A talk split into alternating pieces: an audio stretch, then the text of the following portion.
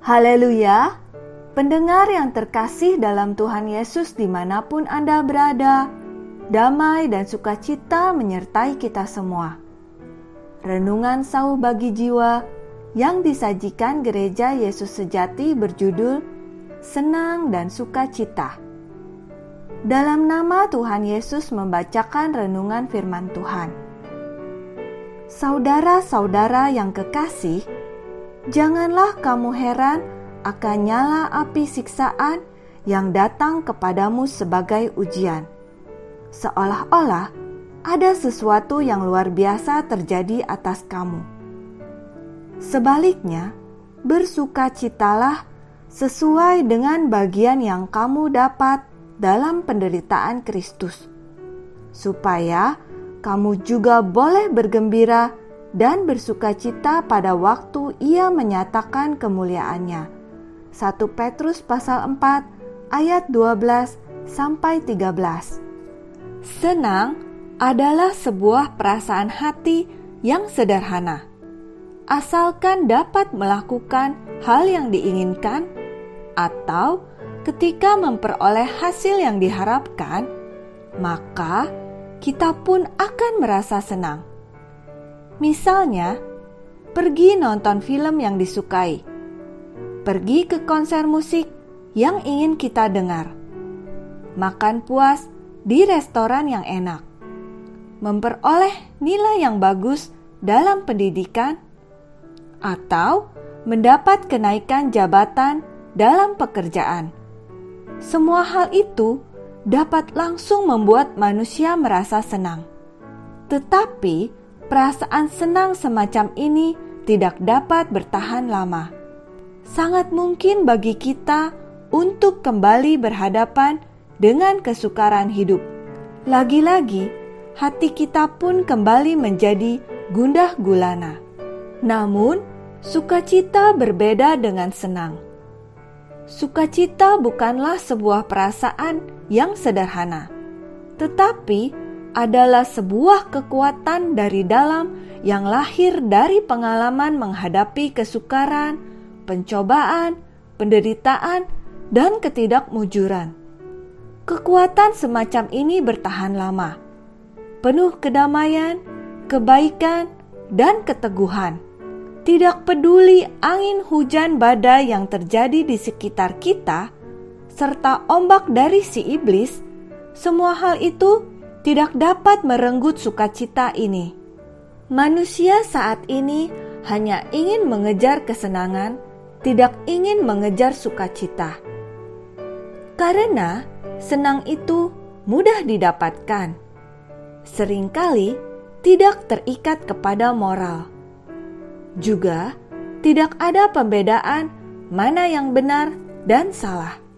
Seperti pecandu yang mengkonsumsi obat terlarang, dia juga dapat merasa sangat senang. Orang yang berselingkuh merasa pasangannya memiliki cinta yang tersembunyi.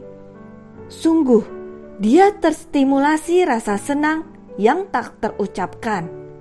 Tetapi janganlah lupa bahwa semua ini adalah kesenangan dalam dosa. Jangan mengira diri sendiri dapat menguasai segalanya dengan baik. Sesungguhnya, yang sedang kita lakukan adalah menantang bahaya jebakan dosa yang tidak bisa kita lepaskan dengan usaha sendiri. Kelak pasti akan ditelan dan dibinasakan oleh dosa. Namun, sukacita adalah sebuah perasaan yang positif seutuhnya. Tidak ada sifat dosa manusia dan terdapat moral di dalamnya. Sukacita itu teguh dan tak lekang. Tidak ditumbangkan oleh kesukaran dan penganiayaan.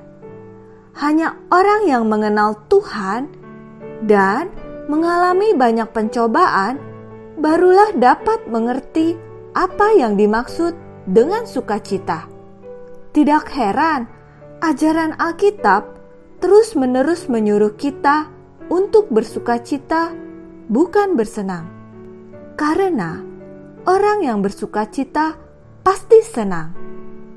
Tapi orang yang senang belum tentu sukacita.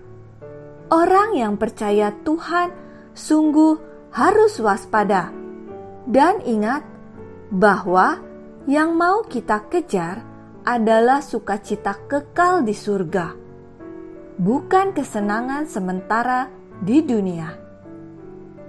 Jika kita melihat bahwa diri kita dianiaya oleh berbagai kesukaran, waspadalah dan ingatlah untuk tidak bersungut, karena itu adalah kehendak Tuhan yang indah, yaitu untuk membantu kita memperoleh sukacita yang tak terenggut.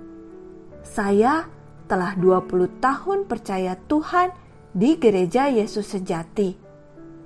Dan saya sungguh melihat orang-orang di sini, terutama orang-orang yang sepenuh hati mengejar Tuhan dapat menghasilkan sukacita semacam itu.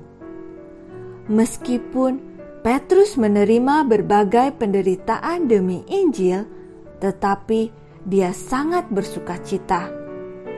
Kiranya kita belajar kepada tekad hati Petrus ketika menghadapi api pengujian Janganlah kita merasa heran, tetapi hendaknya berbahagia, karena hal ini adalah sebuah penderitaan bersama Kristus.